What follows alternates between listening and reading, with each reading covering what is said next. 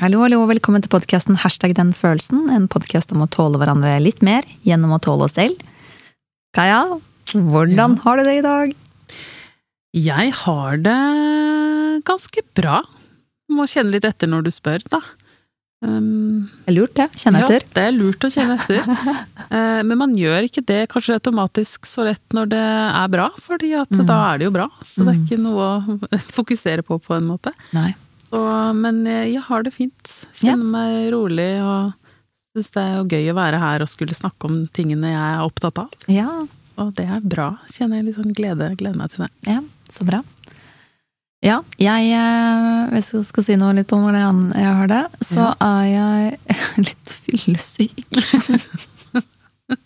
Og det Det er også en eh, tilstand. og det er så urettferdig, for jeg drakk jo nesten ingenting! Det er det som er liksom så irriterende. Mm. Ja, jeg er liksom to glass, og så blir man så dårlig Ja, det. Ja, Det er så- irriterende, så du er litt irritert på fyllesyken? Nei, jeg bare syns litt synd på meg selv. Ja, men det er lov. Ja, det er lov. Men Det lov. eh, eh, det var jo også fordi jeg var så veldig glad, ikke sant. Eh, feiring og, ja, og god Ja. stemning, ikke sant. Ja, for du hadde bursdag i går. Ja, jeg Vi hadde det. får lov å nevne det òg. Eh, ja, vi kan det. Da skjønner folk når vi har eh, spilt inn. Ja, ja. ja, det, det er sant. Det er sant. Ja, nei, så da blir jeg litt, eh, litt kvalm og litt dårlig. Sånn sett. Men, eh, men eh, generelt sett er det er mye godfølelser. Mye sånn gleder meg til ting. Mm. Um, ja. jeg er veldig positiv om dagen, merker jeg. Ja, det, det er litt sånn, ja, lite redd. Og det er jo litt sånn interessant dette med eh, tilknytning. Dette med å, å, være redd, og det å bli mindre redd. Mm. Eh, og noen ganger så kan man jo være redd for å komme nær noen. Mm. Og det er jo faktisk det vi skal snakke om i dag. Det Ja. å komme nær. Og Ja. alt som kommer med det. Alt med det, ja. Alt med det, mm. rett og slett. Yep. Så er du klar for å hoppe i det temaet, Kaja? Jeg er veldig klar. Da kjører vi på det. I have these feelings left in me at all, it'd be for me. Just me. Just me. No one has any control over the way they feel. I'm never going to change the way I feel about you. I feel about you. Hashtag den følelsen. En podkast om å tåle hverandre litt mer gjennom å tåle oss selv.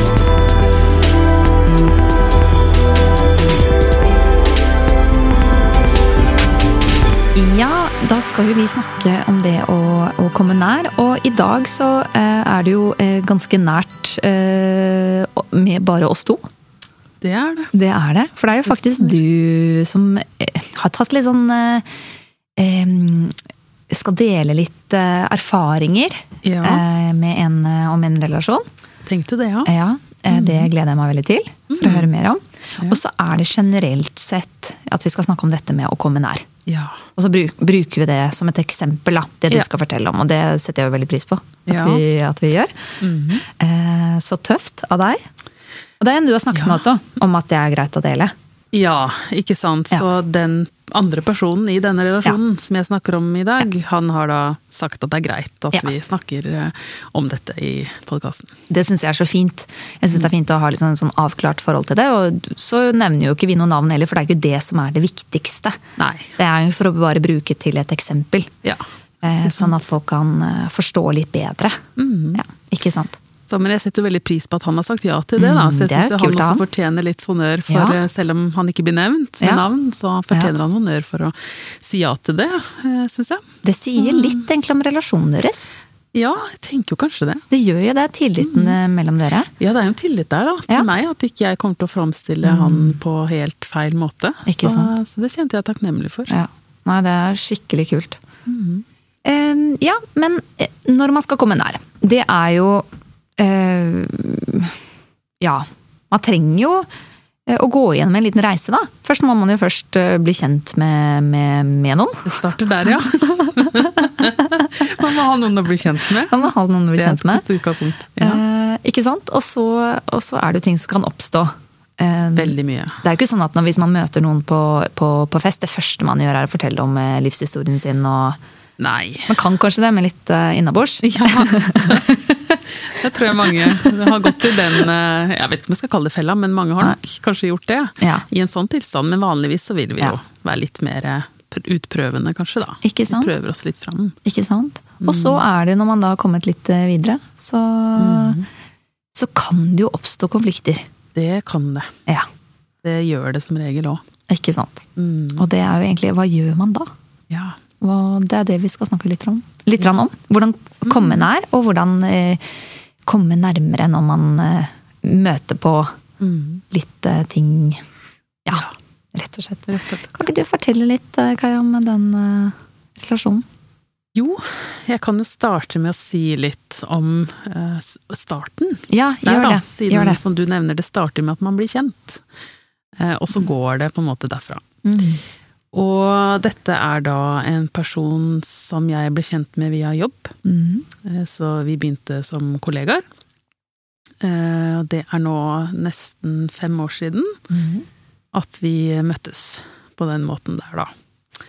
Eh, Og så tenkte jeg bare skulle si noe om at ofte så er det sånn når du møter et menneske, så blir man liksom gradvis kjent, ikke sant? For eksempel at man er kollegaer eller omgås eh, på andre måter. Eh, Så blir man gradvis kjent, og så finner man kanskje ut at oi, vi har jo ting til felles, eller ja, dette var jo en person jeg likte godt. Og så noen ganger så utvikler det seg til mer sånn vennskap, da, at man kanskje holder kontakten selv om man ikke jobber sammen lenger, eller man liksom tar det litt videre. Så, så det er jo den måten kanskje det vanligvis skjer på. Eh, og så er det noe som er litt annerledes her, Ja. Uh, hvert fall sånn som jeg uh, erfarer det, da. Ja. Og det er at med noen mennesker som jeg har møtt, for jeg har jo møtt ganske mange mennesker etter Ja, hvert. eh, Du jobber gjennom- med mennesker. Gjennom livet. Jeg jobber med mennesker, så jeg med veldig mange mennesker sånn sett. Og så har jeg også møtt mange sånn via jobb, for eksempel, og sånne type settinger, da. Og da har det vært noen ganger i løpet av livet hvor jeg har opplevd at jeg møter en person, og så er det bare en sånn eh, Ja, det er som en sånn skikkelig sånn pang, liksom. Altså, jeg har, jeg har en sånn indre alarm, nesten, men i positiv forstand, da Ja. som, som på en måte kan gå av i noen tilfeller og si at her er en person som du virkelig bør prøve å eh, ja, komme nær, da, egentlig. Mm. Dette er en person som, som har noe ved seg som du eh, ja, ønsker å utforske. Det, det er sånn jeg oppfatter det. Ja. Det kommer liksom innenfra i meg, da. Det skjer i deg Ja. når du møter noen type mennesker. Noen mennesker. Ja, ikke sant? En håndfull mennesker kanskje til nå, som jeg har opplevd det med. Ikke sant? Um, og det var det som skjedde med han her, da. Mm. Som jeg skal snakke om nå. Det, han er en av de Ja. som når vi ikke, ikke med en gang vi møttes sånn første dagen, liksom. Men når vi ble kjent, for først så møttes vi jo, og så hadde vi ikke så mye med hverandre å gjøre egentlig sånn helt i starten. Men så begynte vi å bli litt kjent, da, Ja. etter hvert. Og da var det Da skjedde det. Ja. At jeg fikk en veldig sånn klar følelse inni meg at dette er en person jeg virkelig har lyst til Mm. å bli enda bedre kjent med og komme nærere, og her er det liksom noe. Ikke sant. Det er en ganske sånn sterk opplevelse, det er kult. Ja. Jeg prøver å tenke om jeg har opplevd Ja, det er jo litt sånn Man får sånn der friend crush. Det, er, Ja, det har jeg jo på en måte opplevd også. At det er noen Ja. mennesker som bare åh, den personen vil jeg ha i livet mitt. Ja. Jeg tror faktisk jeg opplever det ganske ofte. Ja, ja ikke sant? Det, er, det er sikkert litt forskjell fra person til person hvorvidt man kan kjenne seg igjen i det, og hvor ofte det skjer og sånn, men for min del så er det i hvert fall sånn at når det først skjer, så skjer det ganske sterkt. Altså det er litt enten-eller. Altså enten så tar det tid før jeg utvikler den typen eh, følelse for noen, Ja. eller så kommer den med en gang. Ikke sant. Så å si med en gang. Ja. Eh, og det er ganske interessant, da. Ja. For da er det jo et eller annet som jeg plukker opp, Ikke sant. som gjør at jeg eh, blir nysgjerrig. Ikke sant. Og tenker at her er det noe å gå videre på. Mm. Så- Her vil jeg komme nær. Ja, Ikke sant. ja, det er en følelse Dette har jeg lyst til å jobbe for, egentlig. Ja. Mm. Ja. Og den vissheten kommer veldig fort, Ja. og veldig sterkt og veldig tydelig. Og jeg har lært meg gjennom livet å, å stole på den, fordi. Ja. at nå har jeg jo opplevd det mange nok ganger Mm. til at jeg ser at når det skjer, så er det, er det noe å eh, trakte etter, da. Ikke sant. Eller det er et signal på at, at det er noe å gå etter. Mm. Mm. Så det var starten, og det tenker jeg er nok relevant å si, fordi at eh, det kan ha noe å si for eh, fortsettelsen. Altså forståelsen av hvorfor det Mm. ble som det ble videre, da. Ja, ikke sant. Men eh, det startet veldig positivt. Ja. Ja. Og så videre i utviklingen av denne relasjonen, da. Hva gjorde du da? Ja, um, nei, altså det som var i starten der, så For vi ble jo kjent, da, som sagt, i kraft av å være eh, kollegaer. Og så skjønte jo jeg da etter hvert at dette er en person jeg eh, liker veldig godt, og som jeg har veldig lyst til å bli bedre kjent med, og ja, komme der. Og så Og det var nok gjensidig på den måten at fordi det som skjedde, var jo at vi begynte etter hvert å ha ganske mye kontakt. Ja. Eh, Altså både på jobb, selvfølgelig, når vi hadde mulighet til det, men også utenom. Ja. Så vi tok jo liksom steget til å ha en del kontakt utenom jobb også, da, så det ikke ble så avgrensa til den kollegiale settingen, liksom. Og det er sånn kjennetegn for meg, da. I Ja. hvert fall at da er man inne i en litt annen sfære, liksom. Da er man mer over i noe som begynner å utvikle seg, i hvert fall til et mulig vennskap, da. Ikke sant. Ja. Eh, Og det skjedde ganske sånn organisk. Det bare liksom Mm. gikk sin gang. Eh, for vi, vi oppdaga jo at vi likte hverandre. Og Det var gjensidig, på en måte? Ja, det var det. Mm. Altså, det var en sånn eh, Ja.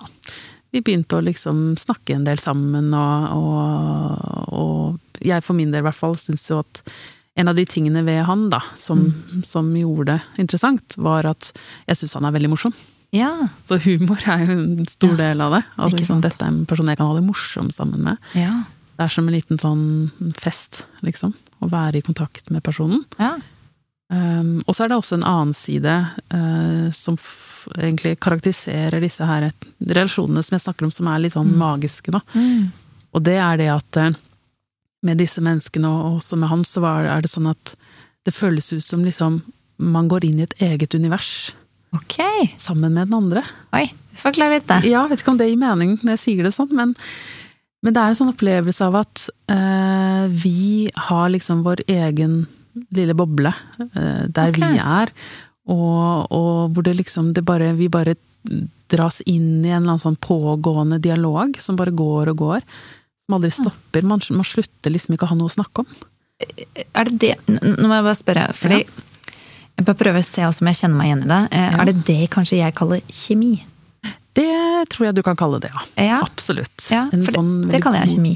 Ja, Ja, og Man har god kjemi. Man har god kjemi, og ikke bare en sånn ja, det, det er ok og hyggelig og sånn, men en sånn Nei, nei. åh, dette er en fantastisk god kjemi. Ikke sant? At det, det oppleves sånn, og at det er liksom For min del, i hvert fall med disse menneskene, så det, er- det fins ikke et kjedelig øyeblikk. Nei. Det fins ikke et øyeblikk der man stopper opp og bare sånn hm, jeg lurer på hva vi skal snakke om nå. Nei, ikke sant. Det er bare sånn, det er, en sånn, det er alltid noe. Det bare Ja. flyter.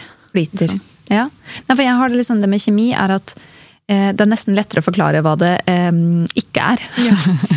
og, og dårlig kjemi er når det blir mye misforstått.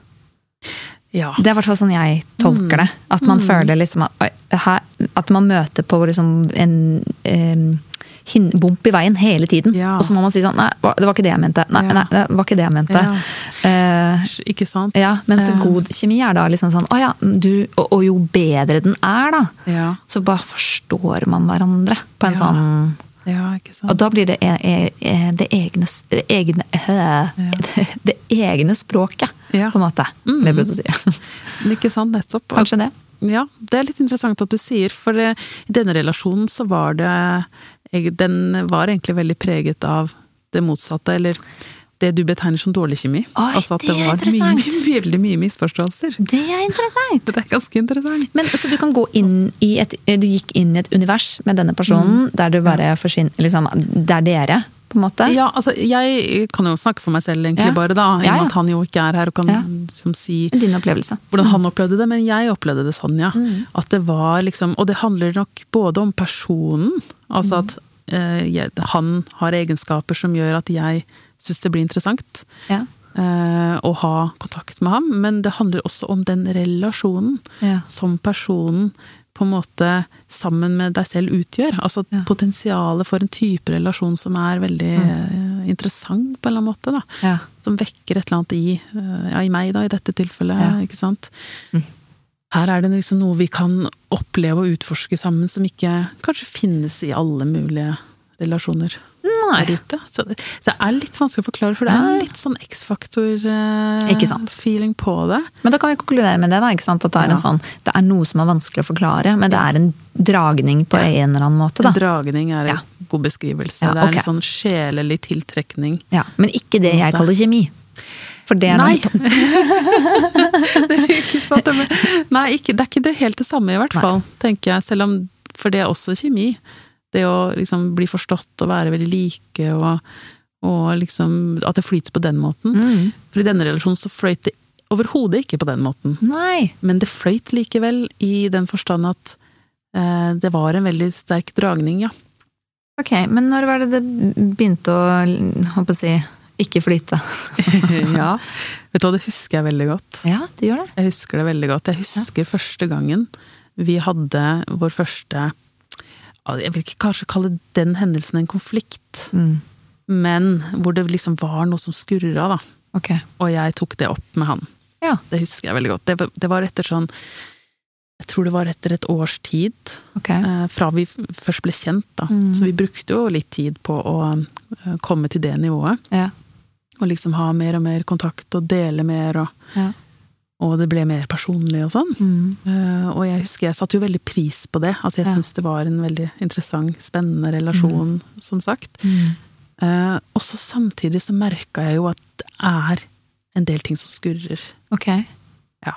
Og, og det var um, Jeg husker jo ikke alle tallene like godt lenger, men, men jeg husker at det var en opplevelse av at det var veldig sammensatt. At det både var veldig positivt, Ja. men også allerede da utfordrende, da. Eller ganske tidlig. Hvordan da, liksom? utfordrende. Nei, altså, jeg tror den beste måten jeg kan forklare det på, er at jeg syns det var vanskelig å forstå ham. Ok. Eh, og det handler nok blant annet om at vi er ganske ulike Mm. på en del områder. Ja. Men apropos det med definisjonen av kjemi, ikke sant? Mm. som du hadde i stad, at det her må bli forstått og sånn. Mm. Vi, vi, er, vi er fortsatt ulike, eh, men på det tidspunktet der så kjente vi hverandre jo ikke like godt som vi gjør nå. Nei. Så det var en sånn opplevelse at jeg, jeg skjønner deg ikke helt. Nei. Har du et eksempel, liksom? Um, Altså, jeg skjønner. ja. ja, jo, jeg kan gi et eksempel. Eh, han og jeg har nok ganske forskjellig relasjonell stil. Ja. Um, jeg er en person som liker veldig godt å komme nær. Mm. Liker å ha mye kontakt. Mm. Har mye sånn relasjonell kapasitet. Ja. Hvis det går an Det er ikke noe sånn eh, kjent begrep, tror jeg. Nei, nei. Det, var noe jeg sa nå. Men, Ja. men altså, i det så ligger vel da for eksempel at, at eh, Ja, at jeg ofte føler at jeg har overskudd til å være i kontakt. Ja. Og forholde meg til den Mm. andre. Mm. Og eh, ja, stå i den relasjonen, på en måte, da. Mm. Sånn aktivt. Ja. Eh, Mens han er nok en person som trenger litt mer pauser, litt mer tid for seg selv. Mm. Eh, Jeg tror, ja, det med kapasitet er nok et stikkord. Ja. Han er også veldig sånn opptatt og driver med mange ting. Og, Ja. Og liksom lever sånn sett litt i sin egen verden. Eh, Det handler litt om de tingene han driver med også. Eh, Så det var nok noe av det. Det, var, det var det. Det var absolutt en stor del av det. Så tenker du sånn på tid at du dedikerte mer inn i relasjonen, på en måte? Ja. Eh, mens han ikke gjorde det? Ja, det var okay. en sånn ubalanse der. Ja. At jeg eh, hadde overskudd til å være i kontakt nesten når som helst, hvor som helst. Ja. Eh, mens han kunne gå litt mer ut og inn av det. Ja. Og, og liksom, sånn som jeg opplevde da, kanskje fjerne seg litt fra meg ja. i perioder. Mm. Eh, og så ble det en sånn, blant annet Mm. eh, Og da ble det en sånn Jeg skjønner ikke helt Mm. Eh, hvorfor dette skjer, og hva, hva slags relasjon vil du egentlig ha med Ja. meg? Ikke sant? Ja. Vil du være nær, eller vil Ja. du ikke? Snakka du med han om, om det, eller? Ja, etter hvert så gjorde jeg det. Ja. Så jeg gikk jo og kjente på dette her Mm. eh, en stund, da. Mm. Etter, at, eh, etter at jeg opplevde at relasjonen ble mer nær, altså eh, Som jo tar litt tid. Så eh, jeg kjente på det etter hvert, ganske tydelig. Mm. At liksom Det her blir Det her er slitsomt. Mm. Jeg skjønner ikke helt hvor jeg har deg. Du blir utrygg, høres Ja. nesten, nesten ut som. Jeg følte meg utrygg. Ja. Um, samtidig som jeg hadde en veldig klar opplevelse da fortsatt av at dette er en relasjon jeg vil Ja. jobbe for. Ja. Liksom. Så det var du ikke i tvil om? Nei, Nei. ikke da. Nei. Uh, jeg var ikke det. Uh, men det begynte å plage meg såpass mye etter hvert at jeg Mm. tok det opp med han. da. Mm. Og jeg husker veldig godt første gangen uh, vi snakket om det her. Mm. Jeg husker at jeg sendte han en melding, tror jeg, og så skrev jeg et eller annet sånn 'vi må snakke sammen'. Litt sånn Ja. ish. Så alle, alle menns drømmesetning. Nei da, jeg bare tuller. Det er ikke så Det var en litt sånn kjønnsstereotypisk spøk, men Det var morsom. eh, Ja, sånn helt grei. Men eh, i hvert fall så eh, Den der 'vi må snakke sammen', deg, ja. Og, ja. den kan man jo tulle litt med. Men det, Ja. det var noe sånt jeg skrev. At liksom ok, det er en greie som jeg må snakke med deg om. I hvert fall hvis han trekker seg litt unna, egentlig, så er det litt artig. Ja, At du, nå må, nå må Ja. vi prate sammen, komme nærmere, egentlig. Ja. Det er jo det å snakke sammen betyr. det gjør jo det, ikke sant? Og nå er det noe som vi må ta opp, liksom. Ikke sant? Eh, og da husker jeg at han ble veldig Han ble nok litt sånn stressa. Ja. Og at han eh, liksom lurte på ja, hva, hva skjer nå, liksom. Og så, så jeg husker det i hvert fall, så sa jeg nei, vi, vi må prate om det. Ja. Og så hadde vi en telefonsamtale, husker jeg. Fordi dette var liksom ikke mens vi var på jobb. Dette var liksom utenom Ja. Så vi var ikke i nærheten av hverandre. Mm. Og, da, og så husker jeg hva altså Dette er jo da som sagt, nesten, ja, nå er det fire, dette er fire år siden snart, så jeg husker jo ikke helt Nei. detaljene, men jeg husker at jeg snakket med ham, og at han liksom, ja, øh, hørte på det jeg hadde å si, og svarte på det og sånn. Og så husker jeg at jeg satt igjen med følelsen av at her ble det ikke akkurat løst. Nei. Nettopp. Dette var ikke en samtale som førte til at jeg ble beroliget. Nettopp. Det førte vel mer heller til at jeg tenkte enda mer oi, Ja. vi er forskjellige, Ikke sant? og det her skjønner jeg ikke noe av. Nei, så mer usikkerhet, rett og slett. Ja, eller i hvert fall ikke mindre, Nei. det. Og det er liksom sånn interessant dette med når man skal snakke om noe med noen. Og det er noe liksom type dette må vi kom, Nå må vi komme nærmere. Det er jo også en samtale som kan skje etter at man har noe har skjedd, f.eks., eller en krangel eller noe. Og det kaller jo som oftest en forsøk på, forsøk på reparasjon. Ja. Eh, og sånn som jeg hører det, dette ble jo ikke akkurat reparert. Nei, ikke Nei. sant? Eh, og jeg tror, nå sånn i ettertid, så tenker jeg at det handler nok litt om at jeg hadde nok et ønske om at han skulle da si noe som, Ja. som passet for meg, hvis du skjønner. Altså, Ja. eh, jeg hadde kanskje et ønske på at han skulle svare meg på den måten jeg forventet. Nettopp, Eller ja. ønsket, og så gjorde han ikke helt det. Det er interessant. Og så ble det litt sånn nei, søren òg, da Ja. må jeg jo stå i dette videre, da. Altså, Ikke sant? Da, da, liksom, da har vi ikke løst noe. Ja. Ehm, og det er jo sånn som Så vet jo jeg det fra fordi nå, nå snakker vi jo om vennskap, Mm. dette er jo en vennskapsrelasjon. Eh, men så er det jo sånn at det som skjer i et nært vennskap, det er jo det samme egentlig som skjer i andre nære relasjoner også. I parforhold, i Familier. familierelasjoner, Ja. ikke sant? Altså, de er forskjellige fra hverandre, men samtidig så er det jo mye av de samme prosessene og dynamikkene og behovene osv. videre. Mm. Ikke sant? Og jeg vet jo det at um, Fordi noe av det jeg driver med sånn profesjonelt, Mm. er jo uh, å uh, Eller jeg, ja, jeg sitter som eier av et samlivskurs Mm. som heter Bufferkurs for par. Mm. Og der er jo, i dette kurset, så er liksom noe av det viktigste vi prøver å lære parene, da. Mm. Når det gjelder konflikter spesifikt, det er to ting. Og den ene tingen er at de fleste konflikter Der er det snakk om parforholdet, men jeg tenker at det gjelder alle nære relasjoner. De fleste konflikter blir ikke løst. Ikke sant. De fleste. De fleste. Ja. Eh, hvis vi går til forskningen, så er det noe sånt som altså Det er en, en amerikansk forsker som har forsket mye på parforhold. Ja. Eh, John Gottman heter han, Ja. for øvrig. Og han og hans team da, de har forsket mye på blant annet det, og noe av det de har funnet, er at eh, ca. 70 av eh, konflikter i parforhold blir ikke løst. Eh, Han fant ikke noe godt, mann. Sorry, den måtte jeg ta. Det var dårlig.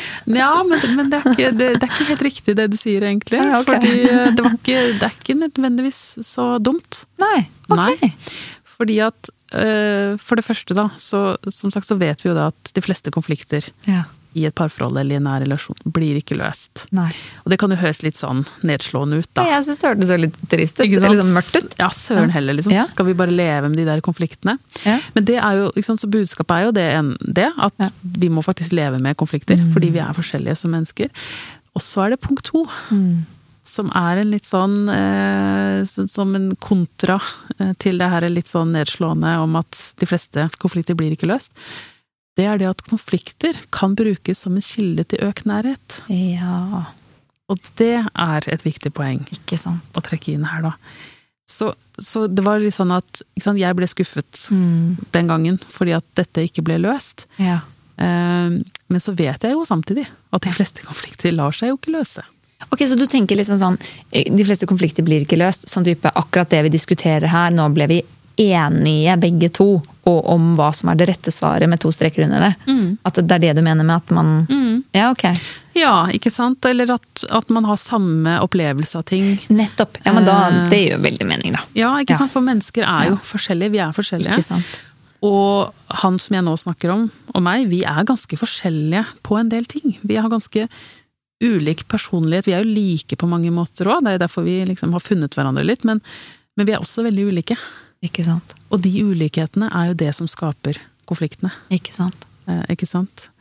Så, så det var liksom min første erfaring i den relasjonen, da, med Ja. at her står jeg i noe som er ganske eh, krevende, Mm. og så prøver jeg jo liksom å Jeg tar det jo opp, da. Ja. Jeg tenker at jeg må si noe om det. Ja. Og så sitter jeg igjen med følelsen at fader ulland, liksom.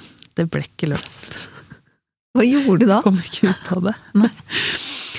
Jeg husker jo ikke hva jeg gjorde konkret Mm. akkurat den Mm. dagen, holdt jeg på å si, eller de kommende dagene, eller noe sånt. Men jeg husker at det fortsatte liksom Jeg kan jo liksom, for å forenkle det litt, eller for å Mm. eh, liksom si noe mer sånn overliggende om det, så, så var det jo sånn at vi, vi fortsatte jo å ha mye kontakt, da. Og, og, og hadde jo da Ja, altså, jeg opplevde det jo som en nær relasjon. Ja. Fordi at det var en relasjon jeg ville ha, og det var også mye kontakt, rett og slett. da. Altså Mm. det å ha mye kontakt og bruke litt tid på hverandre er jo et, en av de tingene jeg i hvert fall tenker på Ikke sant. som, eh, ja, som et, eh, en nær relasjon, eller Mm. eh, oppbygningen og ivaretakelsen av et vennskap, da. Ikke sant. Så vi fortsatte jo liksom med det, og det var jo mye positivt Mm. ikke sant, i den kontakten. Men så kom disse her Ja. konfliktene tilbake. Mm. Gang på gang på gang. Samme greiene med at du ville ha mer kontakt, og han ville ha mindre? Eh, Eller? Ja, eller Ja. varianter, Varianter, av det samme. Ja. I alle fall. Det kunne være ulike konkrete ting, kanskje, Ok. Som skjedde og sånn, men tematikken var jo i bunn og grunn den samme, ja. Mm. Eh, og det handlet jo om en utrygghet. Ja. I hvert fall på min side. Ikke sant. At jeg var veldig utrygg, egentlig, Ja. på, på hvor jeg hadde han hen. ja. Men gjorde det også at du tok mer, ønsket mer kontakt? Det, nå må jeg spørre Kunne Ja. det liksom påvirke For det liksom Jeg kan jo Mhm. kjenne det igjen fra liksom Hvis man er litt usikker på noen, da. Eh, Så har man jo flere strategier. Man kan gå og gjemme seg. Og så bare sånn, Mm. «Ai, da, da, da tar meg, trekker meg helt unna til du Mm. kommer, liksom. Mm. Eller så kan man jo bli litt sånn Nei, men da, da gjør jeg litt eh, Blir litt desperat, da. Yes. Eller jeg liker å kalle det sjonglere og slå hjul på samme tid. Jeg kan bli litt sånn, skjønner du. Ja, men jeg kjenner meg veldig igjen i det. Ja, litt sånn Se på meg! Ja. Og det er litt sånn Igjen så bare lyst til å dra en parallell til parterapien. Ja. Ja. parterapiens verden. Eh, for der er det også sånn at eh, når jeg jobber med par, Ja. så er det, eh, og det du beskriver, er egentlig sånn de to hovedstrategiene Nice. i eh, Ja, så gratulerer. Bra, bra Marita. Yes. Yes. Det er imponert. Ja, ja, men det er helt riktig. For i konfliktsituasjoner, eller i konfliktpregede parforhold, da, så er det ofte en eller to strategier som gjør seg veldig sånn tydelig gjeldende. Og det ene er den trekke seg unna-strategien. Litt sånn gå inn i skallet sitt, eller Ja. Det er rett og slett trekke seg unna. Ja. Prøve å unngå Ja. eh, ikke sant, det ubehagelige i det. I konfliktene. Også den andre strategien er å bli veldig pågående. Ja. Ja. Og både du og jeg kjenner oss igjen i den siste, og Ja. det er ikke så rart, for de fleste kvinner Ja. eh, tilhører den kategorien. Eller eller de fleste sant. i den kategorien er kvinner. Prøver å ta kontrollen. Eh, Ja, på en Ja. måte. Altså prøver å liksom Liksom, jeg ser for meg eh, som en som prøver å liksom, ja, vekke den andre litt. Ja, ikke fordi den andre går litt i hi, Ja. så, så vil da tilsvarende, eller som en motsvar til det, så vil den andre bli enda mer pågående. Ikke sant. Og det er nok et mønster som han og jeg havna inn i. Ikke sant. Eh, At jeg ble nok litt sånn intens, eller jeg vet Ja. at jeg ble veldig intens Ja, ja. og pågående. Um, litt sånn som du sa, ja, Mm. ble det også mye kontakt fordi eh, du var utrygg og prøvde å liksom kanskje hente noe bekreftelser eller få noen reaksjon og sånn. Ja, det tror jeg absolutt. ja. At det var en del av det. Så det starta med at man tror at sånn har man Man har såpass nær relasjon, og jeg vil være med deg, og da er jeg mye med deg. Og så bare er det problemet, på en måte, fra den andres side. Og så løser man det litt med eh, det samme. med det samme problemet. Ja, Eh, ikke sant? Ja, det er jo Det- litt interessant, da. Ja, for det bare forsterker seg. Nettopp. Ikke sant? Og man havner inn i en sånn Ja. Et mønster, da, rett og slett. Mm. En sånn mønster som går ut på at den ene Mm. gjør mer og mer og mer av det, eh, og så eh, reagerer jo den andre på det med å gjøre mer av sin greie, altså trekke seg unna, for eksempel. Det høres nesten ut som en litt negativ spiral, Ja, egentlig. men- ja det syns jeg vi kan kalle det. Ja, En veldig negativ spiral. ja. Eh, Det kjenner jeg jo igjen fra de årene, for det er snakk om år ja, ikke sant. Ja. Så nå hopper jeg jo litt, men, men, Ja. men det var jo fordi at etter at den relasjonen var etablert, og disse utfordringene begynte å dukke opp, så gikk vi jo i den samme Ja. om igjen og om igjen og om igjen, og hadde konflikt på konflikt på konflikt i mange år. Oi. Så det her har virkelig vært eh, Hva gjorde det med deg, da? Nei, det var kjempeslitsomt. Ja. Jeg syns det var kjempeslitsomt, fordi eh, Ikke sant, det bunner jo i Altså når sånn mønster oppstår, så bunner det jo i utrygghet. Nettopp, ja. I den aktuelle relasjonen. Mm. Uh, altså man, man kan jo være liksom, Vi har jo snakket mye om tilknytning, det er jo det vi Mm. snakker om Ikke sant. i denne serien, og vi har snakket om det at man kan være både trygt og utrygt Mm. tilknyttet, eller ha, mener jeg, eh, utrygg og, eller trygg tilknytningsstil. Ja. Som jo handler om hva du eh, i utgangspunktet Ja. eh, Bagasjen fra du er unge. Ja, ja, barn, ja. sant? Hva du er tilbøyelig til, da. Om du er tilbøyelig til å være trygg eller ikke. Ja. eh, På deg selv og andre og Mm. i det hele tatt. Um, så, så det det, ja, så, så tilknytningsstil er jo én ting. Mm. Men så kan man jo også, sånn som vi snakket litt om i den episoden med Tone Normann Eide, at Mm. man kan jo være trygt tilknyttet i utgangspunktet og likevel bli utrygg Nettopp. I konkrete relasjoner, da. Ja, ja, ja. Og motsatt. Og motsatt, ja. Ja. Man kan bli Absolutt. tryggere, selv om Ikke man er utrygg. Mm. Det kan man også. Ja. Så, så det er Så når, når en relasjon blir sånn som det her, så Mm. bunner det i utrygghet. Ikke sant. At det er, den relasjonen oppleves utrygg. Ja. Um, så det er jo det jeg kjenner meg igjen i, da. ja. Men så hvordan um, ender det her, da? Kan man Ja. si det? Ja. Ja, nei, altså øh... Eller fikk dere løst det? eh, hva, Ja og nei, Ja og nei. måte. Ok. Ja. Mm. Fordi det som eh, foregikk lenge, da, Mm. var jo at Men du kan si, for, for det kan jo hende at noen som hører på dette her nå, tenker men hvorfor i all verden gadd de det der? Ja, jeg tenkte det også. Jeg tenkte, det tenkte det skulle være neste spørsmål. her. Sånn, hvorfor gikk du ikke? Jesus Christ. Ja, og jeg kan love deg at jeg fikk mange av den typen tilbakemeldinger fra folk rundt meg. Ja, ikke sant? For dette var jo en veldig krevende relasjon. Ja. Eh, Jeg snakket jo en del om det til folk rundt meg, og det vet han det gjelder også, så det er ikke noe hemmelighet som han får vite hvis han hører på dette. Eh, Og det var jo mange som sa akkurat det. At liksom, hvorfor i all verden Ja. Orker du det her? Hvorfor står du i dette, liksom? Dette er jo ikke bra for deg. Nei.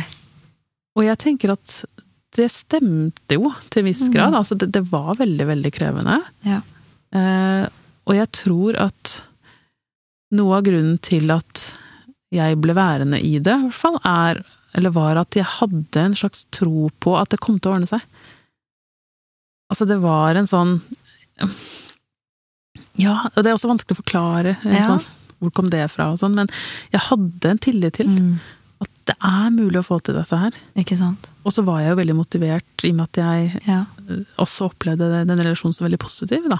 ja. Ja, for det var noe positivt også. Ja ja, Ja, ikke sant. det var det også hele veien. Eh, Så, men vi kom jo hele tiden inn i den derre Ja, eh, Ja, ikke tråkka i det samme mønsteret, da. ikke sant. Men jeg tror nok også en ting som gjorde det mulig Ja. Å stå i det i så lang tid, var at vi For noe av det vi klarte i vennskapet vårt, det var å reparere. ja. Ikke sant.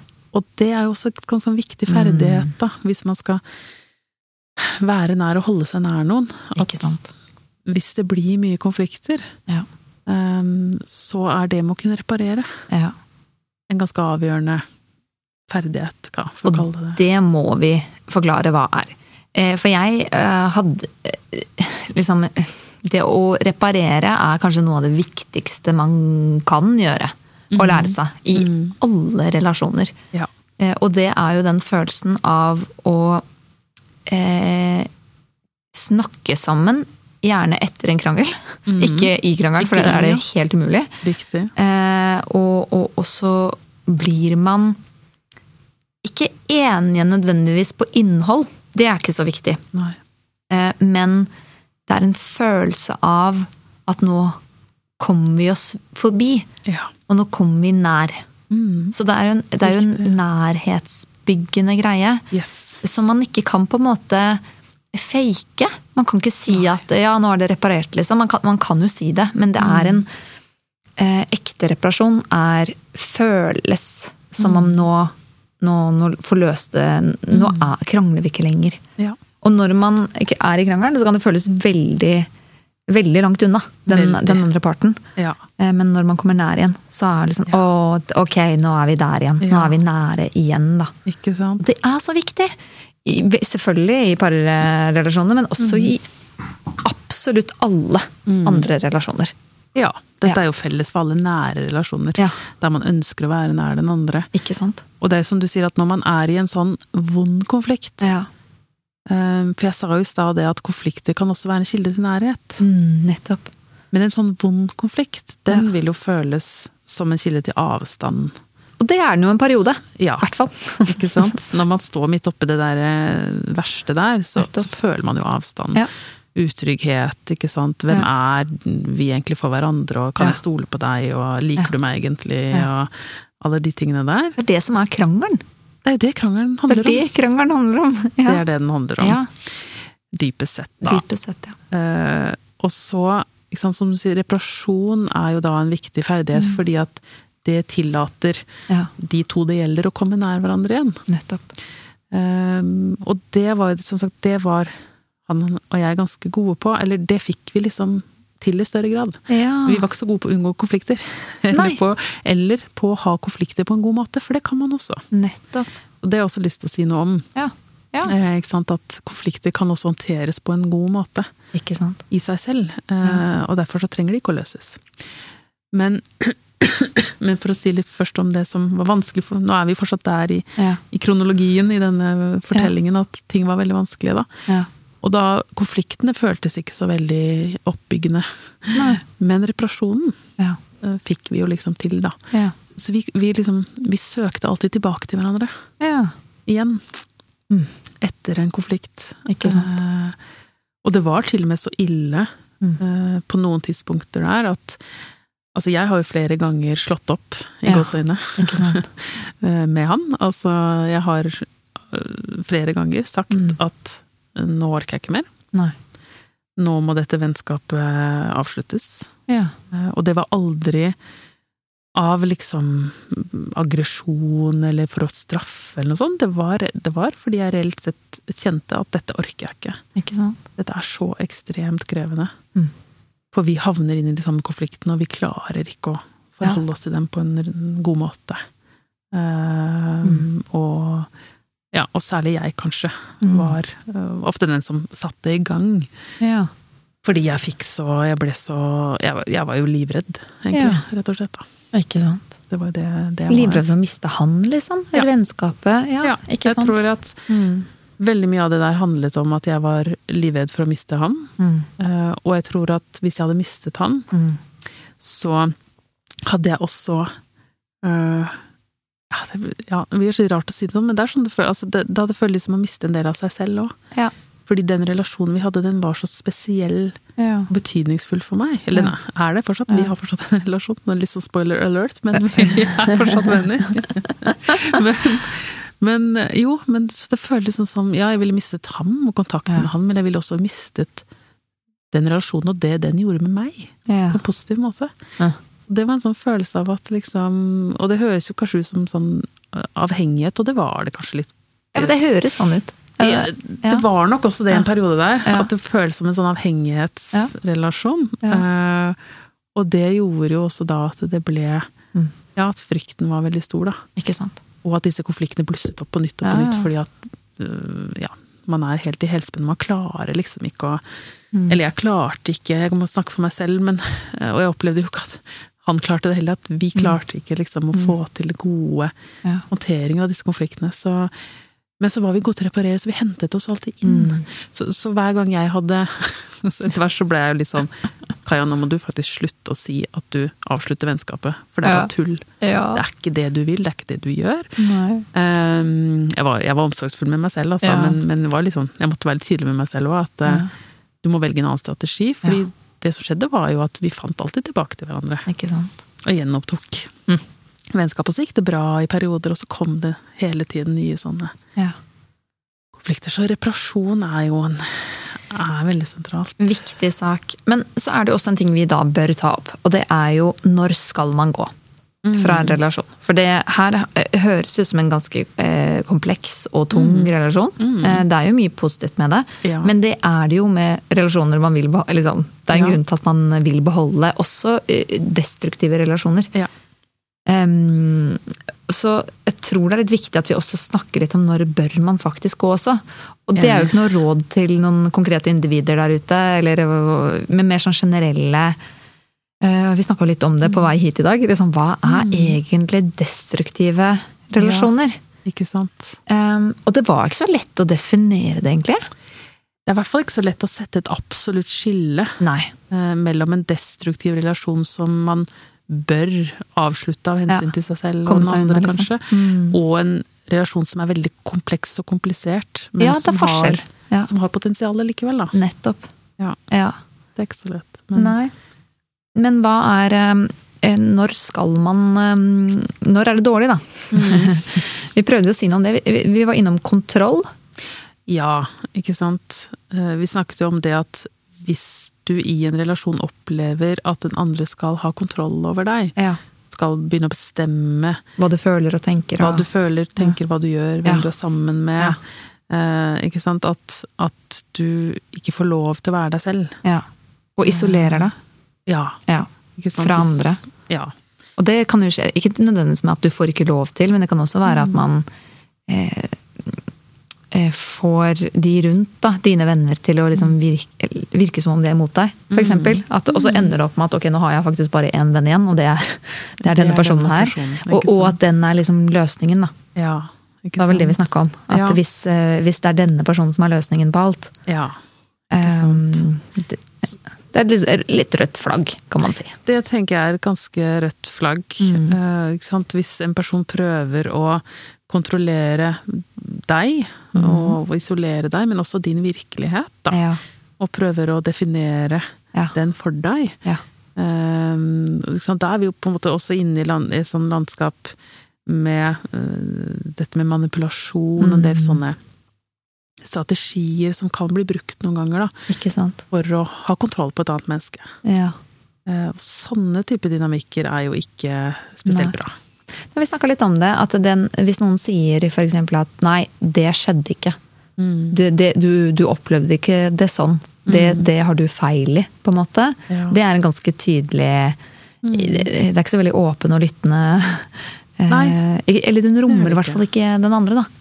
Nei, ikke sant. Eh, Og vi snakket om det her med forskjellen på å ha ulike perspektiver og ulike Mm. Mm. oppfatninger ja, av virkeligheten, kontra det å prøve å avvise den andres. Ja. Eh, ikke sant? Ja. Eh, og på en måte så er det noe vi alle kanskje kan gjøre i noen situasjoner, da. Mm. At vi, vi får lyst til å avvise den andres oppfatning fordi den kolliderer med vår egen. Ikke sant. Eh, så det er jo ikke i seg selv noe sånn eh, Ja, det er noe vi alle kan gjøre. Ja, ja.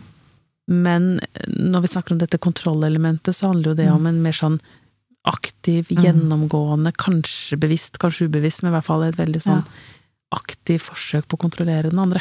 Nettopp. Eh, At det er et dårlig tegn, da. Ja. Og, og så snakker vi også om det at hvis du f.eks. har et litt forvrengt virkelighetsbilde, og trenger på en måte litt korrigering på det, Mm. Ja. så vil ikke det skje under en krangel. Da vil det kanskje skje igjen med litt kjærlighet. Det er i hvert fall lurt å gjøre Ja, det er i hvert fall lurt. Selv om du kan, lyst, du kan ha lyst i en krangel til å Ja. si at ja, men herregud, jeg har jo sagt at jeg ikke er utro. Ja. Ikke sant? For å ta parforholdet eksempel igjen. Eh, men det er jo ikke den lureste måten å nå Nei. inn til den andre på. Nei. Uh, ikke sant? Så noen ganger så kan man jo ha et feilaktig bilde av virkeligheten og trenge Mm, korrigering. Men som du sier, litt med måten det skjer på, og så er det litt med hensikten. Ja. Er hensikten kjærlig? Er hensikten at jeg vil at du skal ha det bra? Ja. Jeg vil at vi skal ha det bra. Så er det noe annet enn hvis hensikten er å kontrollere deg. Og jeg vil at du skal vokse. Ja, Det er også en Hvis ting kommer fra han, eh, liksom, han eller hun vil at jeg skal vokse. Mm, Um, ja. Også, også det at det er samme regler ja. eh, for, eh, for, for begge to. Mm, Eh, Det er ikke sånn at hun kan få lov til å dra på byen og flørte, eh, mens han får ikke lov. nei. For da sånn. blir det sagt ting som gjør at det blir dårlig samvittighet, for Ja. Mm. eksempel. Men, men eh, det skal ha samme regler. Ikke sant, det må være en form for jevnbyrdighet Ja. mellom partene, da. Ja. At, eh, og nå er vi jo igjen inne på liksom parforhold, men det gjelder jo også i Også andre. Mm. Ikke sant? At, at jeg må gi deg rom til det samme som jeg vil ha rom til selv.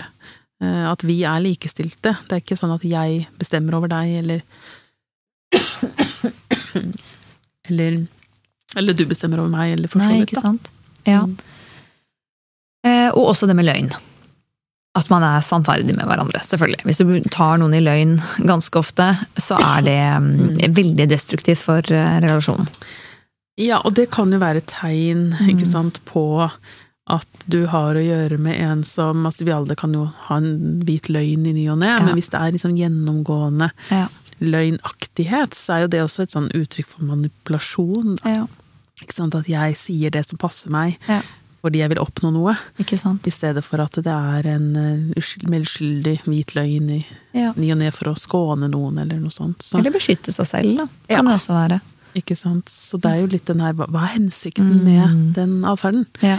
um, er jo et tema, eh, eller et poeng. Mm. Uh, og så snakket vi om dette med vold.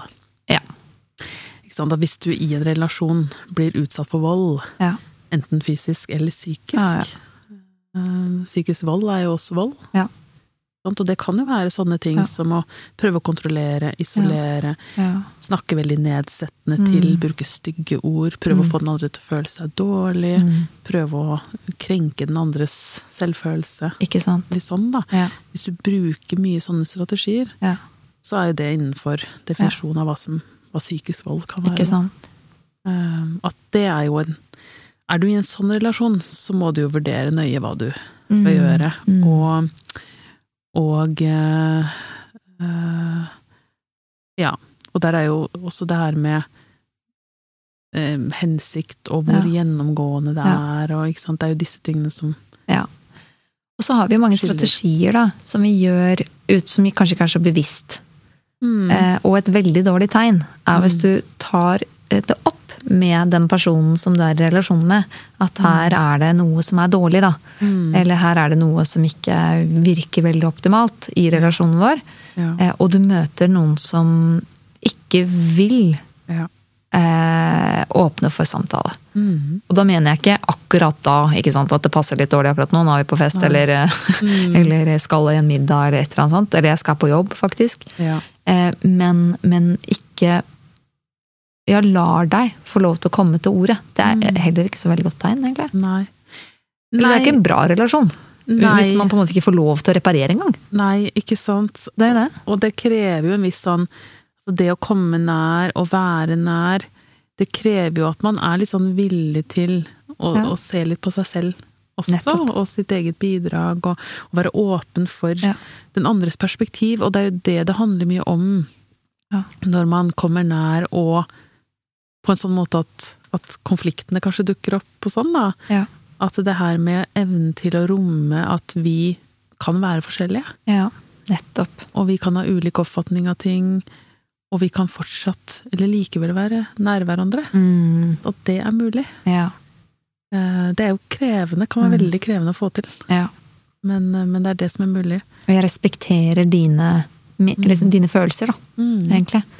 Jeg trenger ikke å være enig med deg, men jeg respekterer at du opplever det sånn. Ja. Eh, Og at det er greit. Og at du føler Og det er også en ting som jeg har opplevd, i hvert fall min erfaring med krangling, da, og spesielt med venner og sånn, at, at det er ikke nødvendigvis i eh, var dette rett eller riktig eller galt å gjøre, i, i innholdet, men å snakke, gå litt opp i meta og si Ja. sånn ok, nå, nå krangler vi bare. Ja. Ikke sant? Og dette jeg vil, er å komme nær deg. Eh, Det nå er jeg usikker på deg, eller eh, er du usikker på meg? Eller at man, heller, man trekker det litt opp, da. Ja. Det har vært et veldig godt eh, tips. Og så må jeg også si det, vi sitter jo ikke her nå og liksom, gir deg tips og råd på hva som er en dårlig relasjon, eller Alle har forskjellige måter å mm, eh, vi, vi, vi gir ikke noe sånn VG-tips til eh, hvordan spotte en psykopat. Sånn Nei, det er, eh, det vil vi helst unngå, Ja. tenker jeg. ja. Det er ikke det vi prøver å gjøre her, nei. Nei, vi prøver bare å legge til rette for at folk kan se hva er en sunn relasjon, egentlig. Ja, og så har jeg lyst til å understreke da også at også relasjoner og Det er litt derfor jeg har lyst til å fortelle denne historien om meg og min gode venn. da. Ja. Fordi at det er jo også sånn at relasjoner som er kanskje på en måte dårlige, Ja. i hvert fall i perioder, eh, de kan også ha et potensial. da. Nettopp. At man kan jobbe med relasjoner som ikke er så gode. eh, Med mindre man er i en situasjon som sagt, hvor, man, hvor, hvor det ikke er mulig å gjøre det. Fordi Ja. den andre ikke er villig, eller fordi det er så stor ubalanse Ja. i relasjonen når det gjelder kontroll og makt og, og sånn, at det ikke er mulig. Men i en ellers Altså hvis de tingene ikke er til stede, men relasjonen likevel er ganske Ja. komplisert, sånn som min og hans var, eh, så er det mulig å jobbe med. Nettopp. Men det krever jo selvfølgelig en god del, da. Ja. Av begge parter. Og så er det dritt å krangle. Ja. Det er, det er ikke sånn at man bare Å, vi eh, Det gikk så greit, og ja, ja Vi bare smooth sailing. Da har man ikke krangla ordentlig, tenker jeg. Nei, For det er avstand Ja. når man krangler. ikke sant. I, I definisjonen, hvis vi tenker at krangling er negativ, eller um, uhensiktsmessig konflikthåndtering, da. Ja. Ikke sant? At det er en måte å håndtere konflikter som ikke fører noe Nettopp. godt med seg. Ikke Nettopp. sant? Det er, skaper avstand, Ja. og man føler seg bare dårligere etterpå. Ikke sant? Og, og sånn. Um, og det Der er det en veldig sånn tydelig skille egentlig Ja. mellom det og det å håndtere konflikter på en måte som faktisk kan medføre Mer mer nærhet. Ikke sant. Og det er vanlig. Det er også det å si det. Det er Mhm. vanlig å krangle litt. Det er det. Å være uenig. Det er veldig vanlig. Ja. Det er ikke tvillingene dine, på en måte du møter ute i verden. Eh, og det må liksom Nei, akseptere og lære seg å håndtere at man kan være uenig. Ja. Eh, og hvordan løser man det? Ja, og vi kommer ikke unna det. Altså, skal vi være nær hverandre, så kommer vi ikke unna Ja. at vi er forskjellige, og at vi kommer til å oppleve ulikheter og konflikter ja. I løpet av den relasjonen, da. Ikke sant. Og jeg må si det, jeg hadde en venninne Jeg var så redd for å krangle da jeg var yngre. Eller jeg er fortsatt litt redd for å krangle. Jeg liker ikke å krangle. Det er ingen som gjør det, egentlig. Men eh, jeg hadde en venninne som var så eh, fin med meg. For jeg husker hun fortalte meg, hun som lærte meg litt å krangle. For jeg husker hun, hun ble sint på meg for et eller annet jeg hadde gjort, og legitimt, da. eh, Feil, da. Eh, Og jeg ble så lei meg. Eh, Og, og tenkte å nei, nå vil hun ikke være vennen min lenger. Og ble litt sånn jeg ja, redd da, for å miste henne. Ja. Og det husker jeg hun bare så på meg med sinne i ansiktet. Og så sånn sånn Nå er jeg bare sint på deg nå! Og så går det jo litt tid, og så blir vi jo venner igjen! Og jeg husker den derre Ja, å ja, gjør vi det? Ok, ja, greit. Ok, ja, det Og hun eh, er jo en kjempeviktig relasjon for meg. Ja. Og det, liksom, det var så fint at hun bare sa det liksom rett hun, Det hun gjorde, var at hun snakka om det i meta. Egentlig hva som, hva som skjer i krangel. Og jeg hadde ikke så mye erfaringen med krangling. Nei. Så eh, jeg syns det var en veldig fin måte å, ja, å håndtere det på. Og jeg ble veldig trygg av det. Ja, ikke sant. Eh, selv om det var ubehagelig å liksom kjenne på nei, er hun sint på meg nå? Ja. Men, men hun sa eh, det kommer til å gå over. Ja, ikke sant. For hva var det som gjorde deg trygg da, tror du? Var det det at hun sa det, da? At Ja, faktisk. Det kommer til å gå over. Jeg kommer ikke til å forlate deg. Jeg er fortsatt glad i deg. nettopp. Det er jo egentlig det. er hun, eh, hun sa jo det. Jeg kommer ikke til å gå fra deg. Jeg er glad i deg. Ja. Og det har jeg blitt mye flinkere til også i, i krangler til uh, selv, faktisk. Å si hva er viktigst her? Jo, jeg er glad i deg. Mm. Ikke sant? Hvis du starter setningen med det, om det er så familiemedlem eller eh, kollega eller eh, Uansett en eller annen relasjon. Ja. Jeg er bare vit, jeg er glad i deg. Ja. Eh, og jeg kommer ikke til å gå noe sted. Mm. Eh, og så kan man si 'men vi må snakke om dette her', eller Mm. 'det her ble jeg lei meg', eller ja. Ikke sant? Og da er du inne på det som kjennetegner den typen håndtering av konflikter som er oppbyggende da, for relasjonen, og Mm. Ikke nedbrytende. ikke sant? At man kan nærme seg disse ulikhetene vi har, de Mm. konfliktene vi har, på en måte der man ikke mister kontakten med hverandre, men der Ja. man er liksom klarer å signalisere at vi er fortsatt nære, Mm. jeg er fortsatt glad i deg. Ja. Men vi har disse ulikhetene, og vi, ulikhetene, og vi må snakke om dem, og Ja. vi må prøve å forholde oss til dem, i hvert fall. De blir ikke borte, Nei. men vi må forholde oss til det på en måte hvor vi vi kan få det til å fungere, da. Og, og i det Mm. så kan man jo oppnå økt nærhet. Nettopp. For da blir konflikten eller uenigheten eller ulikheten plutselig et utgangspunkt for å lære mer om den andre. Mm. Mm. Ikke sant? Mm. For det å snakke om ulikhetene våre gjør at vi blir nødt til å sette oss litt inn i den andres verden. Vi er nødt til å øh, også fortelle litt mer om oss selv, og vise sårbarhet, kanskje. Og, Også forstå seg selv. ja. Ikke sant? Man lærer sånn Oi, jeg blir faktisk veldig nervøs, jeg. Hvis ikke jeg får den bekreftelsen av eh, den andre parten, for. Da. Ja. Eller der, der blir jeg usikker. Eller Ja. jeg trenger mer, hyppigere kontakt, eksempel. Mm. Eh, og den andre gjør ikke det. Interessant. Greit. Her har jeg både lært mer om meg og om den andre. Nettopp, ikke sant? Og det, og det som er at det krever at man er ganske sånn i ro inni Mm. Ja. seg selv. Mm. For det som skjer i disse kranglene, er jo også at vi ofte blir veldig trigga. Så nervesystemet blir veldig aktivert, ikke sant. Eh, Jeg tror de fleste av oss har kjent på det når vi er i en sånn skikkelig krangel. Ja.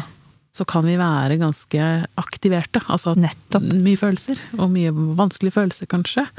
Ja. Eh, Og da blir vi enten litt sånn desperate, eller så lukker vi oss ned og forsvinner ut, eller Mm. liksom for å håndtere det følelsesmessige Ja. trykket. Da. Og, og da er det jo veldig vanskelig å, å ha den derre Mm. Ja, men jeg er jo glad i deg, og, Nettopp. og det, det, det går jo bra, dette her. Ja. For da er vi opprørt, vi er redde, Ja. vi er sinte, vi, ikke sant? vi har alle de der Det føles veldig ekte. kreftene. Man Ja. glemmer liksom også at liksom i en krangel så kan man si ting man ikke mener. Man mener det jo der og da. Men det, hvis man liksom har med seg en sinne, da, en, en kompis, som jeg kan kalle det, og den, den vil jo skape avstand. Så den vil jo si det som trengs for at avstanden, eh, hvis man ikke får det, da nå, hva, hva skal jeg si nå for at du skal backe unna? Ja. Eh, Og det kan jo være folk som har lært det litt mer uhensiktsmessig å håndtere det på, og kanskje bli stygg i munnen da. Jeg sier ikke at det er greit, men det å liksom snakke om det, at nå, ja, nå merker jeg at du blir stygg i munnen, det er ikke greit for meg. Ja. Og så kan en annen få lov til å si oi, det mente jeg ikke Ja. Ja, nei, jeg mente ikke det jeg sa, ikke sant? Og ikke ta den nesten så for god fisk, faktisk, når man er sint, da. Mhm. Eh, Eller så kan man bli lei seg og føle at nei, nå er det slutt, eller? Ja. Ja, Og så ja. bare nei, det er faktisk ikke det. Nei, ikke Eh. Det er bare en krangel. Ja. Og det, er, det, og det er den som ofte kommer, den Mm. derre nå er det krise, nå er det slutt, Yes. nå er det Ja. Det her kommer ikke til å gå. Ja. Eh, ikke sant? At du kommer inn i en sånn sånt verdensbilde, på en måte, eller et opplevelse da, Absolutt. av relasjonen, og at Mm. det er det som styrer deg da. Ja. Du klarer ikke å innta den der rolige Nei. liksom, ok, la meg prøve å forstå deg. Ja. eh, tilnærmingen, da, da trenger du å være mer i ro. Så det, så det å snakke om ting, Mm. eh, som du sa i stad, du snakket om reparasjon, at Ja. det er lurt å gjøre det når man er rolig igjen. Og det kan gå litt tid. Ja. Det trenger faktisk ikke å være samme innenfor samme dagen engang. Faktisk la det Det er ikke sånn at når man fortsatt er aktivert, Nei. da, da er det Det er ikke rommet for reparasjon. Nei.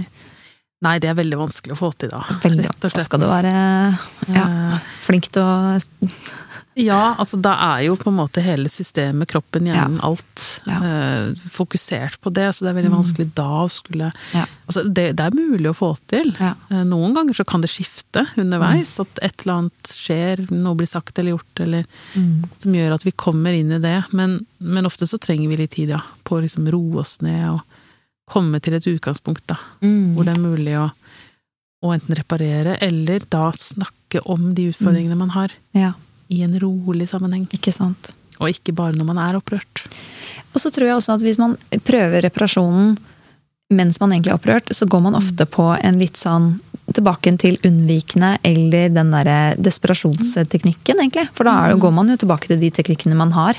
Og da kan Ja. man jo kanskje gå og at man eh, kan please eller angripe.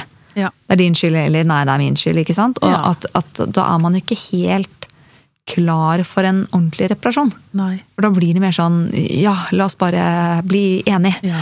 Eh, Eller nei, jeg skal ikke bli enig med deg. Ikke sant? Mm, nettopp. Eh, Og, og reparasjon krever jo at man kan ta et litt sånn blikk på seg selv, nettopp. og kanskje til og med si unnskyld for noe man sa eller gjorde når man var sint eller opprørt, eller, eller i hvert fall ta utgangspunkt i at jeg tar ansvar for mitt bidrag her, Ja. da. Nettopp. Eh, og ikke lenger da peker fingeren på den andre Mm, og sier at det er du som er problemet. nettopp. Men altså liksom, ta den, liksom gå inn i seg selv og så Mm, gi det til den andre, da. Ja. Jeg ser jo at jeg bidrar mm, også til at dette blir vanskelig for oss. ikke sant. Eh, For det er en helt annen tilnærming Ja. enn en at du Mm, Det er din skyld. ikke sant. Så tenker jeg det med liksom å øh, Hvordan skal jeg forklare det her? Det med å ta seg selv på alvor. Eh, hvis man har en tendens til å f.eks. ville please, da, eller ville liksom kaste seg under og La oss si konfliktsky, da. Mm. så kan man på en måte veldig raskt bare si 'å ja, det er min skyld', eller Og så er man kanskje ikke helt i kontakt med det man selv behøver. Nei.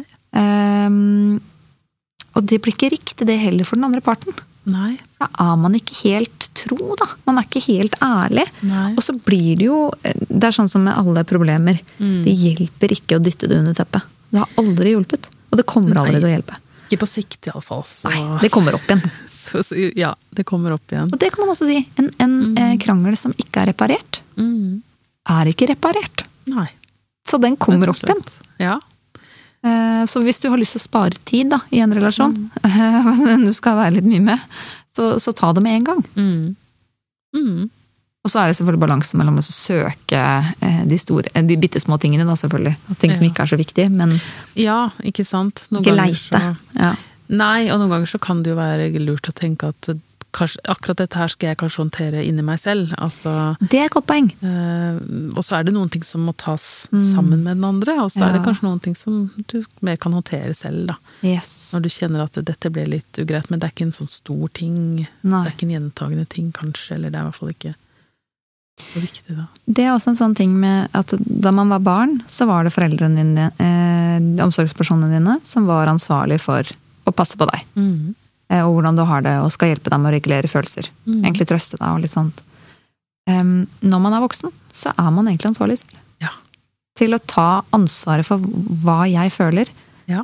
Eh, så, og så selvfølgelig blir det ikke sånn at hvis noen går bort og slår deg, Mm. og det er ikke sånn at nå må jeg ta ansvaret for å føle på denne smerten selv. Det er noe helt annet. Da skal man Ja. faktisk si det er ikke greit. Ja, Og dytte unna. Og det, det var faktisk din skyld. Ja. Eh, men, men noe med liksom Du får meg til å føle at ja. eh, For den er jo veldig lett. Den er kjempelett. Ja. Eh, Når du drar på byen, så får du meg til å føle at Ja. jeg ikke er viktig i ditt liv. Altså, jeg er bare ute Ja. med venner. Jo, men jeg føler at jeg blir utrygg av det. Ok, ja, ok, greit. Men Mm. um, å snakke om det, men ikke på en måte at den andre er ansvarlig for følelsene dine. Ja, og det er en veldig viktig lærdom som jeg tok av Ja. den relasjonen som eh, vi snakker om som eksempel i dag, da. Ja, ikke sant? Eh, For jeg husker at jeg holdt på med det der. Ok. I de, den konfliktperioden så husker jeg at jeg la veldig mye skyld på han. Ja. pekte mye finger. Mm. eh, og la også ansvaret for mine følelser over på han. Ikke sant? I mye større grad enn jeg egentlig var berettiget til, Ja. eh, tenker jeg nå, da. Ja. Eh, så det er så Jeg, jeg kjenner meg jo igjen i hvor lett det er. Mm. Å liksom tenke sånn Vet du hva, vet du hva dette er, det er du som gjør dette mot meg. Um, og, og poenget er jo at det er jo lov å si at når du gjør sånn eller sånn, så føler jeg det, dette og dette. At jeg reagerer på den eh, måten å være på, eller på den tingen der, eller Det gjør meg usikker, for eksempel. det gjør meg usikker, Ja. ikke sant? Mm. Det er lov. Det er lov. Det er lov å føle på, og det Ja. er lov å si. For det er noe veldig annet enn å si at du gjør meg usikker. Ja. Eller det er, noe, det er, liksom, det er din feil. ja. Nå må du som- gjøre meg trygg. Ja, ikke Mm. sant? Så nå må du være sånn som jeg vil at du skal være for at jeg skal bli trygg. Ikke sant? Og det er liksom det er, det litt sånn flaut nesten Ja. å snakke om det, fordi at Eller, det er ikke veldig flaut, jeg har eh, bearbeida det litt nå, men, men jeg husker jo at jeg var veldig inni det der. Ja. I denne relasjonen, Mm. og i de konfliktene vi hadde da. Mm. At, eh, og jeg oppriktig tenkte at, eh, at han var problemet. Ja, Først og fremst, i hvert fall. Ja.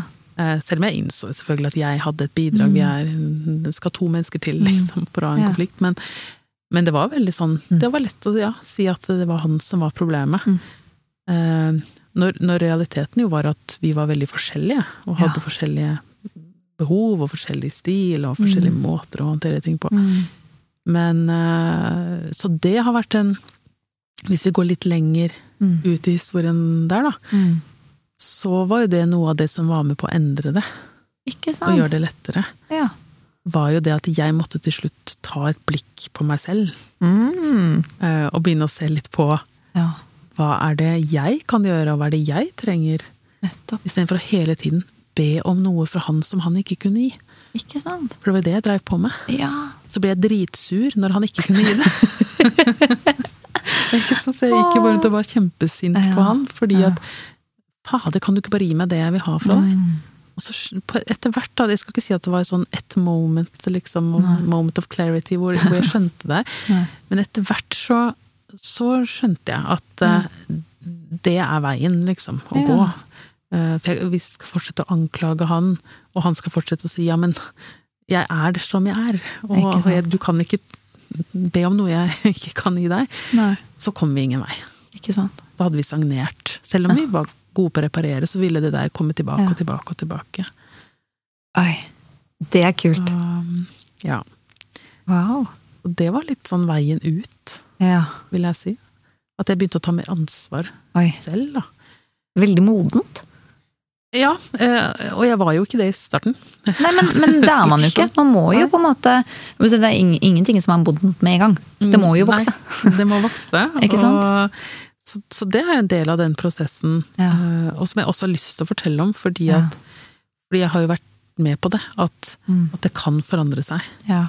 Ikke sant? At du kan gå fra For det er, jo det er jo egentlig en litt sånn forståelig, men likevel umoden Ja.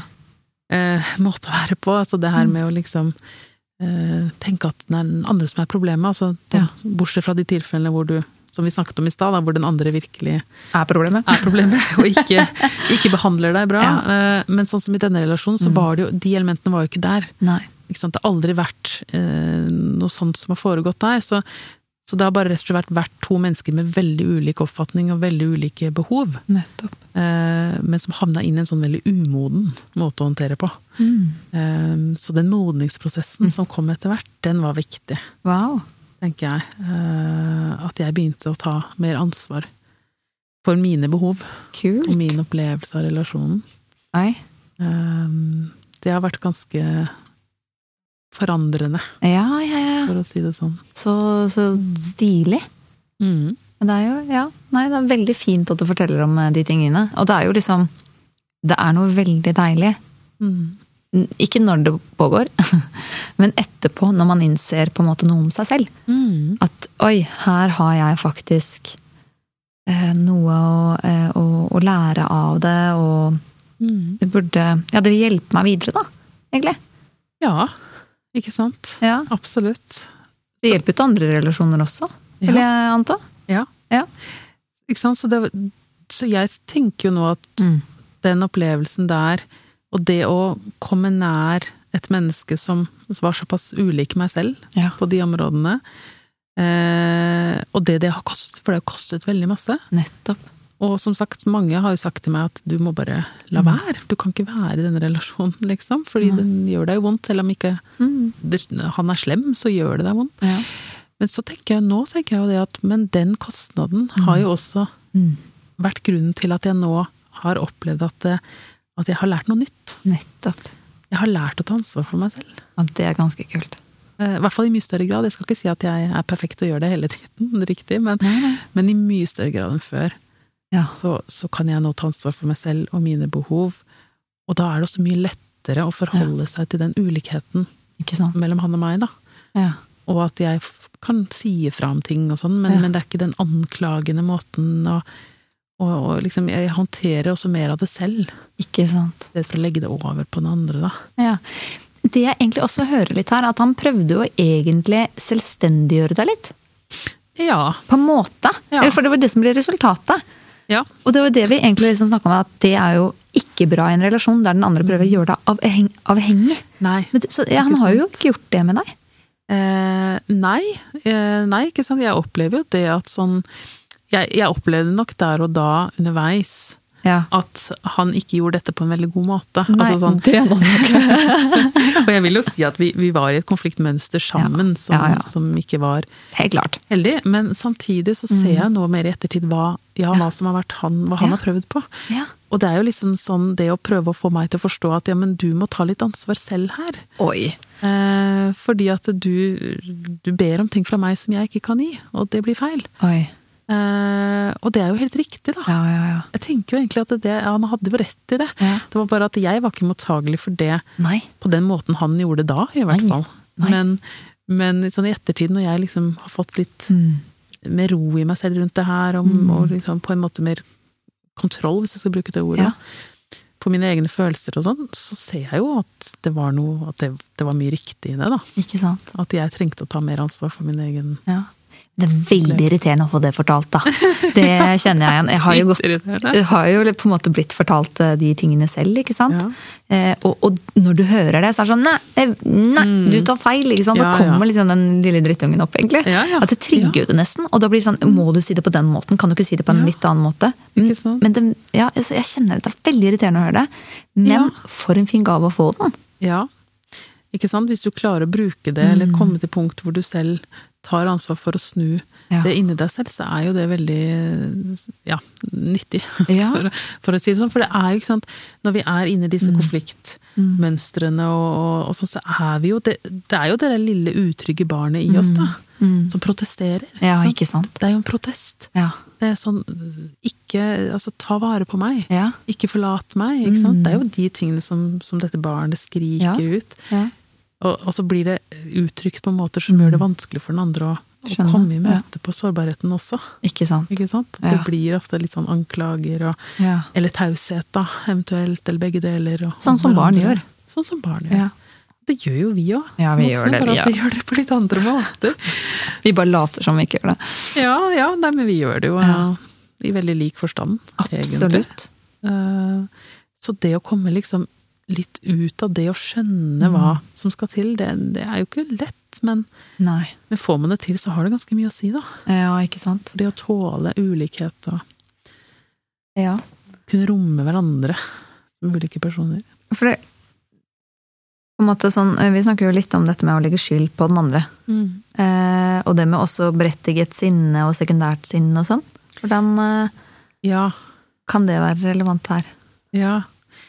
Ja, vi snakket litt om det her med at uh, i Altså, for hvis du i en relasjon opplever uh, å bli sint på den Mm. andre, så kan jo det i noen sammenhenger være berettiget, altså i den forstand at du kan ha blitt Altså grensene dine kan ha blitt tråkket på. Ja.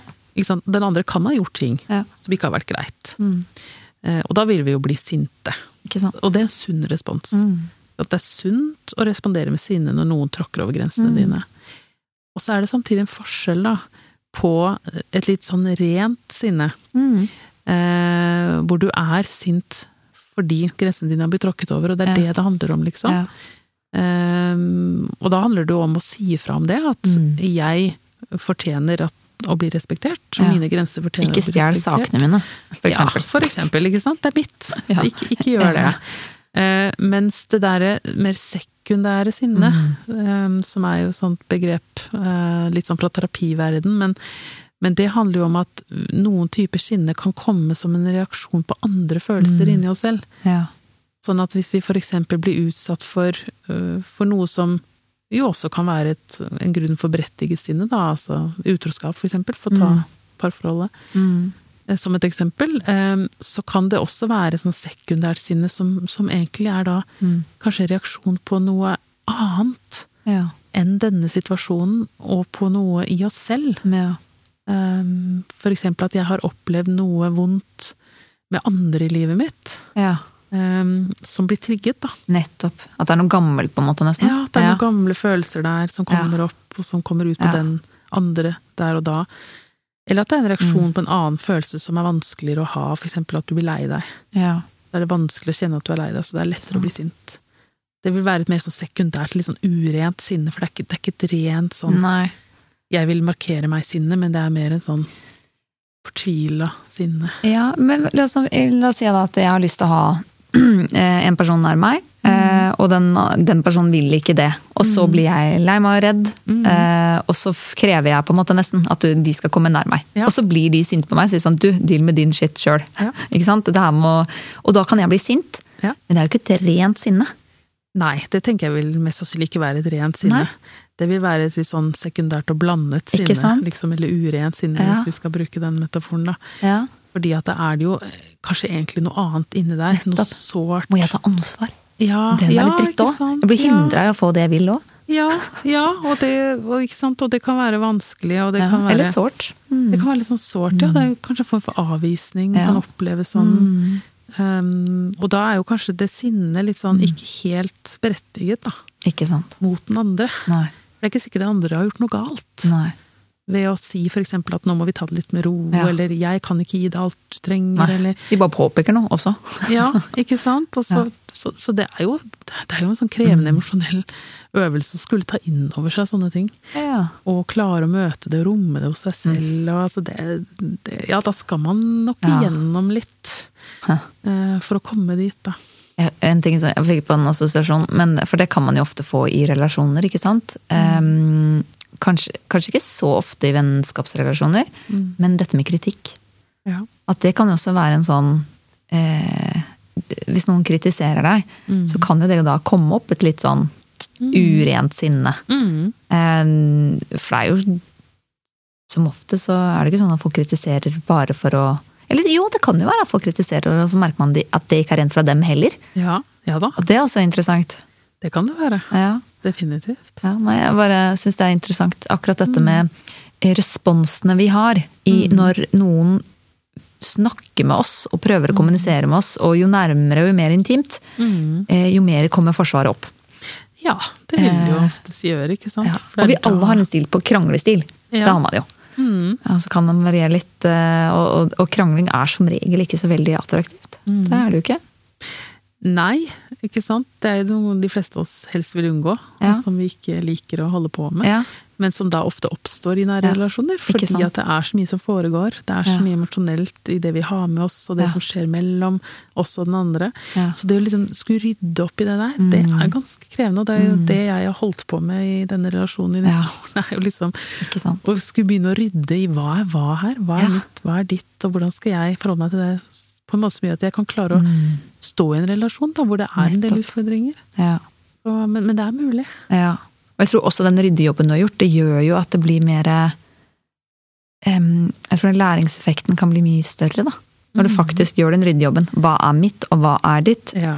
For da kan du lære av relasjonen, istedenfor bare å gå rett til Nei, du, du gir meg ikke det jeg trenger. ja. Eh, da går jeg enten bytter jeg deg ut, eller så, Mm, Mm. eh, så, så Og så skylder jeg videre på deg. Ja.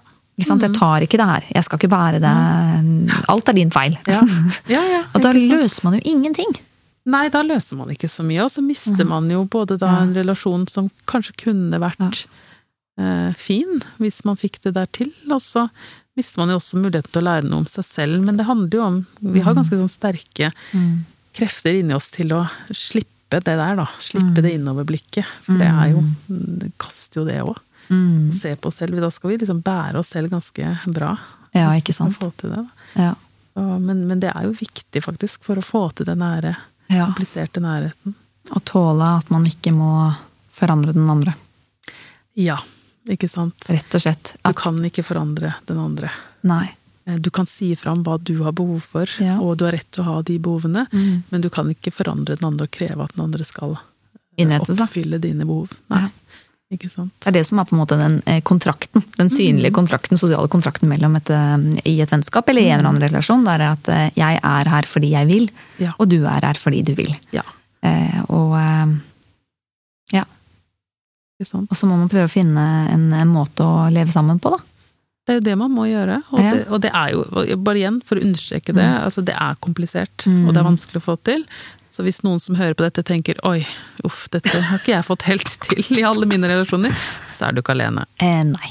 Eh, Så det er, det er forståelig, det er vanlig, men det er også mulig å jobbe med Ja. saken. Det er det. Eh, og da kan man jo selvfølgelig Jeg er litt sånn som tenker at hvorfor finnes det ikke noe som heter venneterapi? Ja.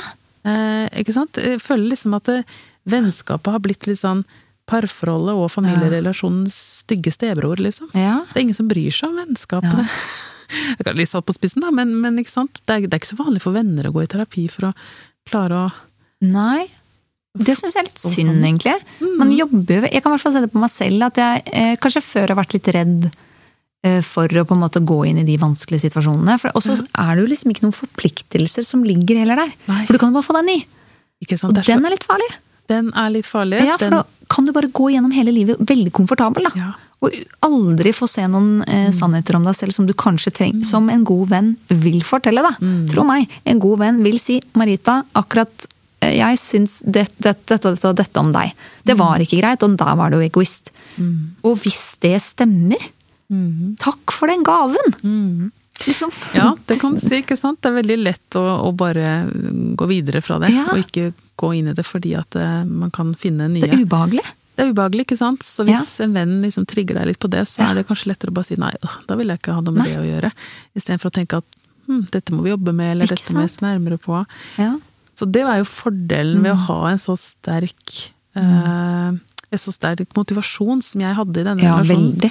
For å bevare relasjonen. Ja. Fordi det gjorde at jeg hadde ikke noe valg. Jeg skjønte jo at det å gå ut av relasjonen er ikke noe alternativ, for det går ikke. Det får jeg ikke til. Det er for sterke krefter som Nettopp.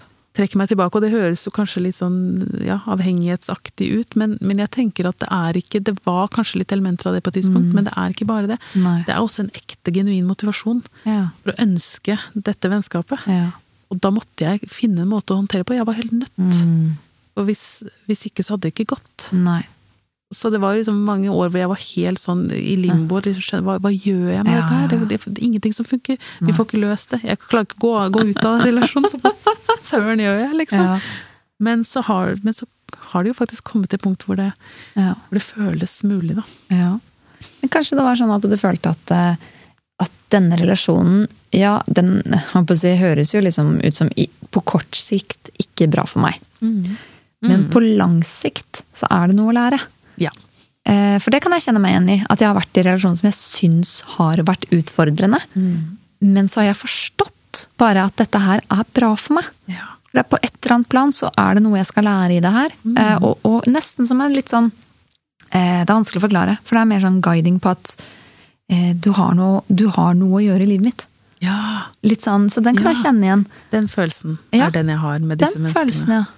Du har noe å gjøre i livet mitt. Det Ja. er noe jeg skal. Eh, Noe du skal lære, liksom. ja, jeg vet ikke om det er så tydelig hos meg at jeg Nei. tenker at det er noe jeg skal lære deg, men, men det er en opplevelse at her er det noe å hente. Oi, Så her er det noe som er verdt å stå i og kjempe for. det er kult. Eh, og det er veldig kult. Det er Ja, en det er veldig kult. fantastisk gave. Ja. Å kunne føle det i, sammen eh, i, ja, med noen mennesker. Da. Og så er du veldig tøff. Ikke sant? Du går inn i det, og står i det. Og, og så eh, ut av det kommer du ut med noe Både en venn, selvfølgelig, Ja. og også lærdom om deg selv. Ja. Det er jo Mm. eh, fantastisk. Det er ganske fantastisk. Og, og det er jo sånn at nå i dag så vil jo jeg si, og det kunne jeg nok si før òg, men da var det mer litt sånn av og på. eh, men i dag så kan jeg jo si helhjertet at Ja. han jeg nå snakker om, han er en av mine absolutt nærmeste Mm. venner. Han er en av de nærmeste, næreste menneskene jeg har hatt i livet mitt. Mm. Og det er jo fordi at vi Ja. har vært igjennom så mye og, og hatt en sånn prosess sammen, da, Ikke sant? gjennom alt det her.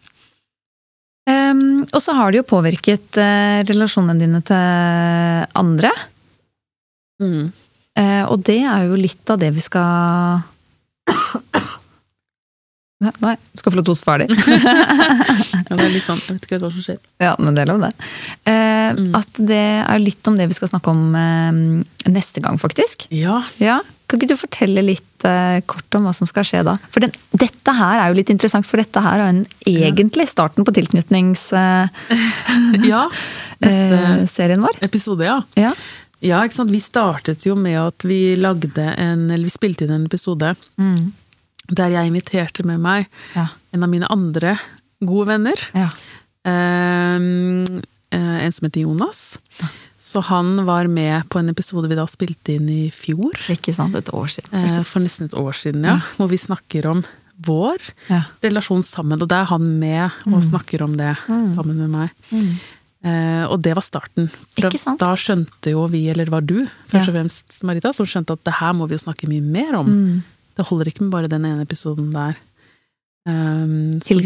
Tilknytning er så mye mer viktig. Ja. Det her er så eh, og, og også liksom mm, Hvis man er i liksom litt mer vanskelige relasjoner, da, så påvirker jo det. Mm. Det gjør jo at man tar med seg Enten så har man utrygghet fra barndomma, ikke sant? Ja. Eh, som vi snakker om, eh, tilknytningsstiler.